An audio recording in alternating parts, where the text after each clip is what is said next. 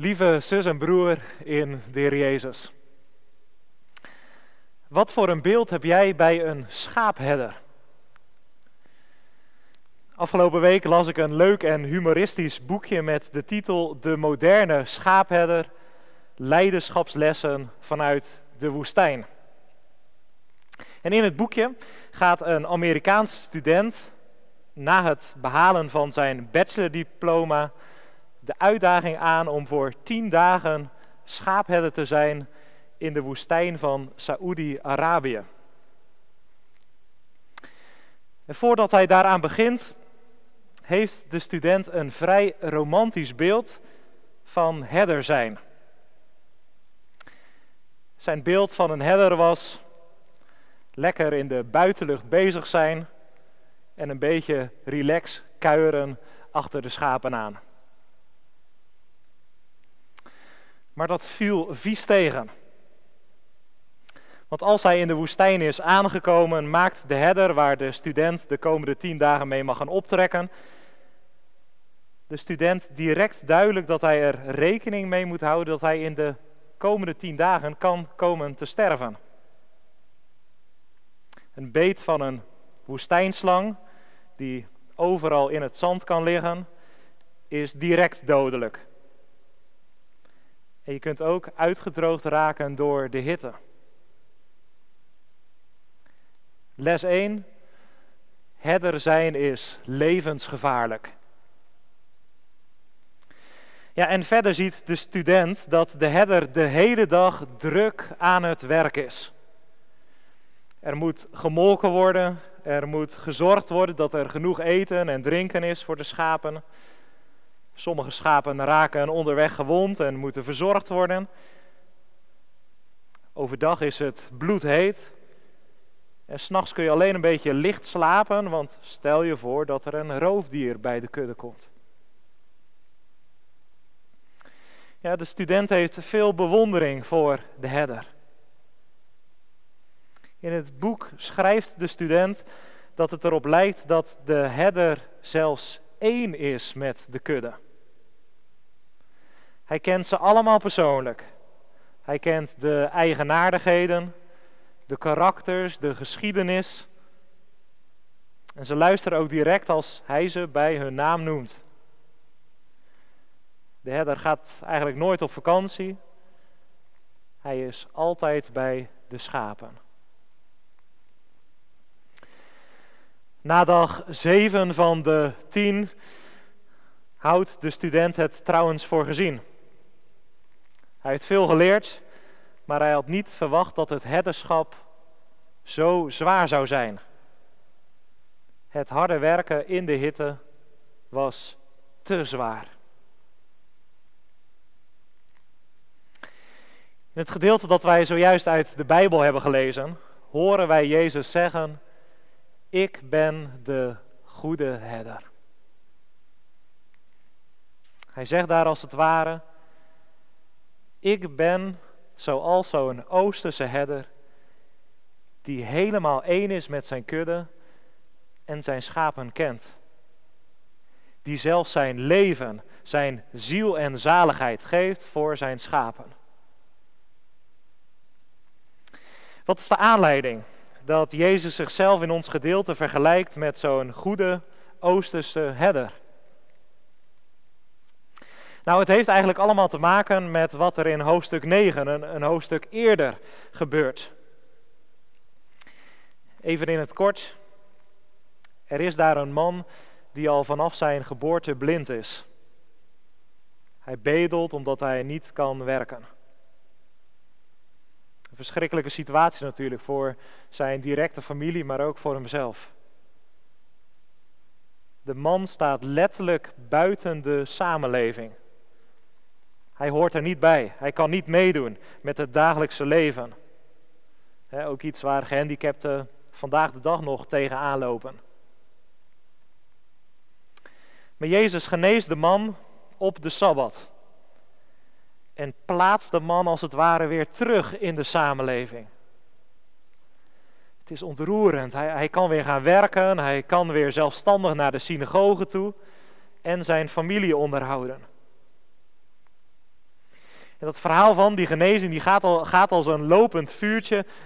En de genezen man moet zich op een gegeven moment verantwoorden bij de fariseeën. Maar deze geestelijke leiders zijn eigenlijk helemaal niet blij met deze genezing op de Sabbat. Jezus had zich namelijk niet gehouden aan de religieuze regels. Op de Sabbat genees je niet, werk je niet. En de genezen man wordt daarop letterlijk weggejaagd. En wat betekent dat? Hij komt opnieuw buiten de gemeenschap te staan. Bizar. Nou, Jezus die zoekt die man weer op, bemoedigt hem en spreekt dan richting de Fariseeën dat hij de goede herder is, die wel om zijn schapen, om zijn mensen geeft. Jezus die vertelt er gelijk bij dat er ook huurlingen zijn. Herders die alleen maar bezig zijn met zichzelf, met geld, met die kleine details. Ja, iedereen weet waar Jezus het op dit moment over heeft als hij spreekt over huurlingen die niet om de schapen geven. Ja, dit is dus de aanleiding. Het zijn rake woorden en het is ook een raak beeld. Jezus staat daar naast een genezen blinde man, die net door de religieuze leiders is weggejaagd, weer buiten de samenleving is geplaatst. En hij zegt dan, ja, ik ben de goede herder. Maar er zijn ook huurlingen die niets om hun schapen geven.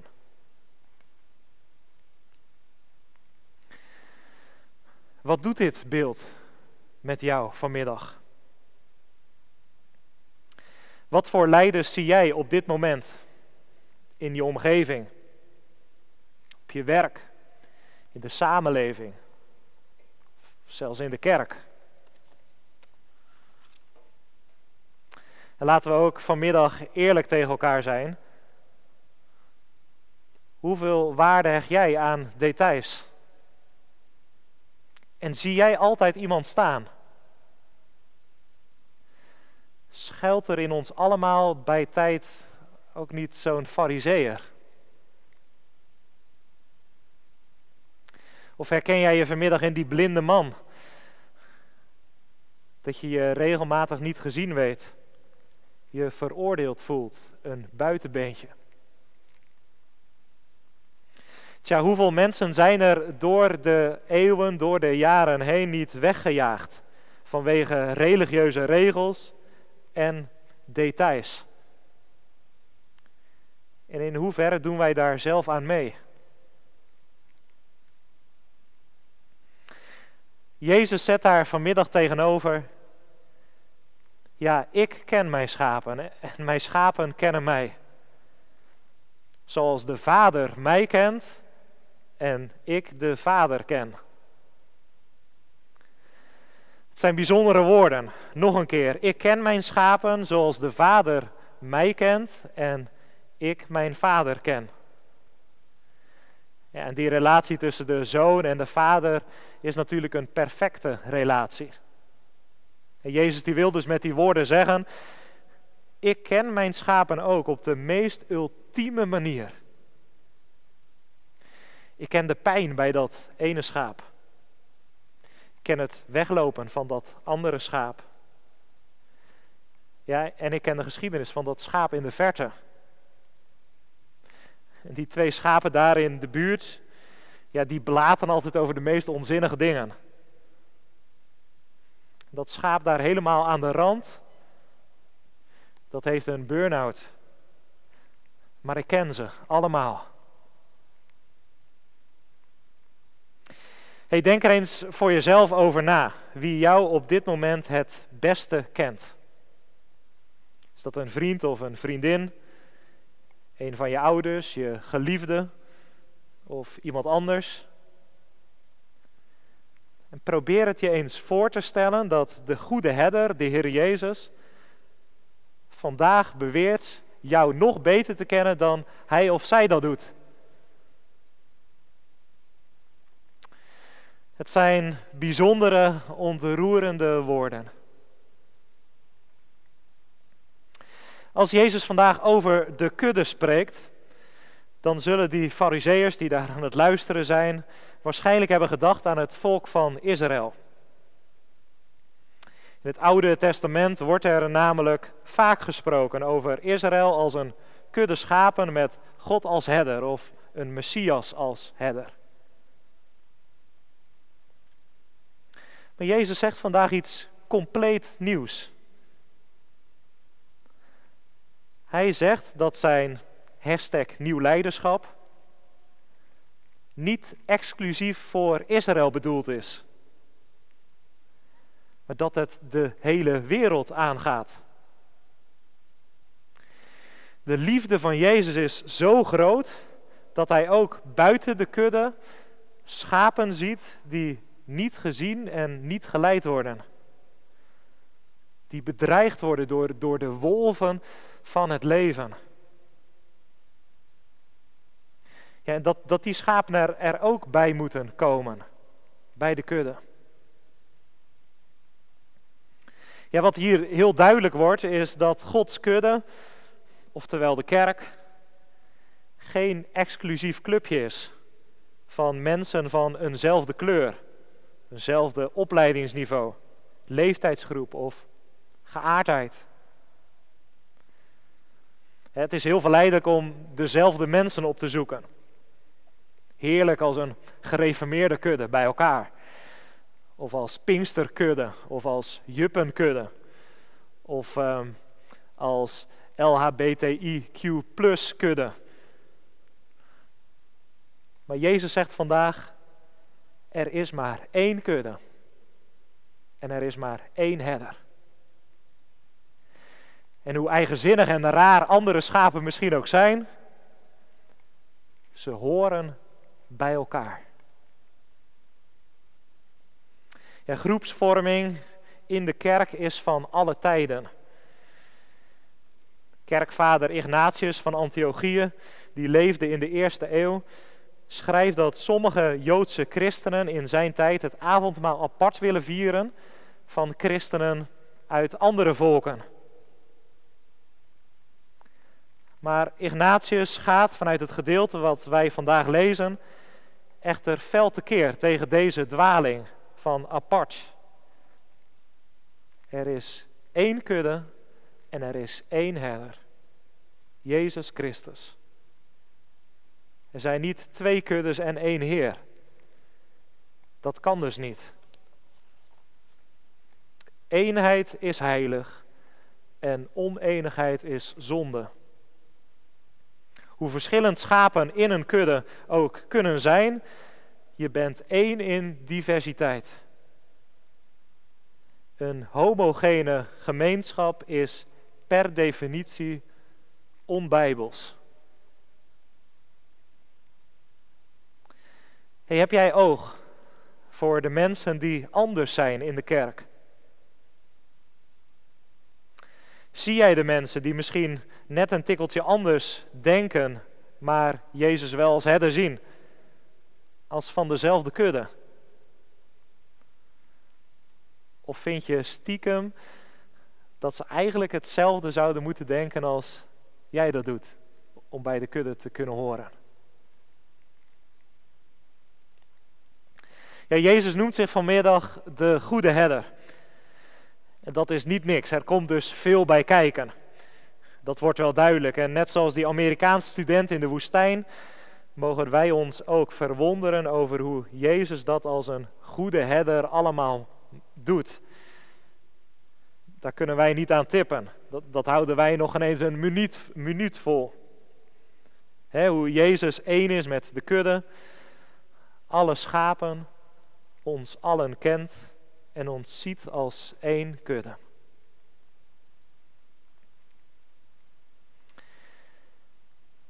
Jezus is vanmiddag duidelijk dat hij als goede herder zelfs zijn leven, zijn ziel en zaligheid zal geven voor zijn schapen. Maar dat hij ook de kracht heeft gekregen van God om zijn leven terug te nemen en er opnieuw te zijn voor de schapen. Ja, en dat hebben we natuurlijk letterlijk zien gebeuren in de afgelopen weken. Wij zagen op Goede Vrijdag dat Jezus zijn leven, zijn ziel en zaligheid gaf om de mensheid te beschermen tegen de wolven van het leven. Wij zien daar de liefde van de goede herder op zijn volmaakst. Maar het is dan niet afgelopen. Wij zien de herder ook zijn leven weer terugnemen met Pasen, om er weer te zijn voor zijn schapen, om ze te kennen, om ze te leiden, te voeden, te verzorgen. En natuurlijk ook te corrigeren waar dat nodig is. En weet je wat mooi is? Jezus vraagt ons om in zijn voetspoor ook zo'n herder te zijn in ons dagelijkse leven. Een soort hulpherder. Wij zagen het bij Petrus vanmiddag. Ondanks zijn verloochening geeft de grote herder hem de opdracht om herder te zijn over hen die Jezus aan hem toevertrouwt. Wijd mijn lammeren, hoed mijn lammeren, wijd mijn schapen. Ja, en hoe vaak hebben jij en ik Jezus niet verlogend, net zoals Petrus? Jezus niet gezien als de goede herder. Of blinde mensen in onze omgeving genegeerd of zelfs weggejaagd. Misschien zelfs wel in de naam van geloof. Maar ook wij krijgen van Jezus de opdracht. Wijd mijn lammeren. Hoed mijn lammeren. Hoed mijn schapen. En wie heeft de goede herder Jezus jou gegeven om voor te zorgen? Welke lammetjes en schapen heeft Hij als het ware aan jou toevertrouwd vandaag? Zijn dat de kinderen in je klas als je docent bent? Cliënten? Mensen op je werk? Een zieke buurman? Een vriendin met een burn-out? Ja, wij mogen ons aan hen verbinden. Hen hoeden in de geest van Jezus. Opnieuw en opnieuw. En ook binnenbrengen of terugbrengen in die mooie bonte kudde van Jezus. En nee, dat zal zeker niet altijd makkelijk zijn. Die Amerikaanse student die had het al snel door. Herder zijn lijkt romantisch. Een beetje kuieren in de open lucht. Het is eigenlijk hard werken. Het is soms pijnlijk. Herder zijn vraagt je hele leven, je hele zijn, je ziel en zaligheid. En toch, weet je, je mag het altijd doen uit genade. Je mag het doen door te weten dat ook jij als hulpherder tegelijkertijd een schaap bent in die grote kudde van de goede herder Jezus. Dat je gekend bent door Hem. En Hij weet het hoe het op dit moment met je is. Hij weet het van je butsen, van je pijn, je geschiedenis, je zonden. We mogen het doen vanuit de wetenschap dat Hij ons wil leiden. Dat het zonder zijn leiding ook niets wordt. Dat Hij ons voedsel geeft en kracht. Dat wij leven van wat Hij geeft. Dat geeft ook ontspanning. Tot slot. Probeer je er komende week eens regelmatig van bewust te zijn.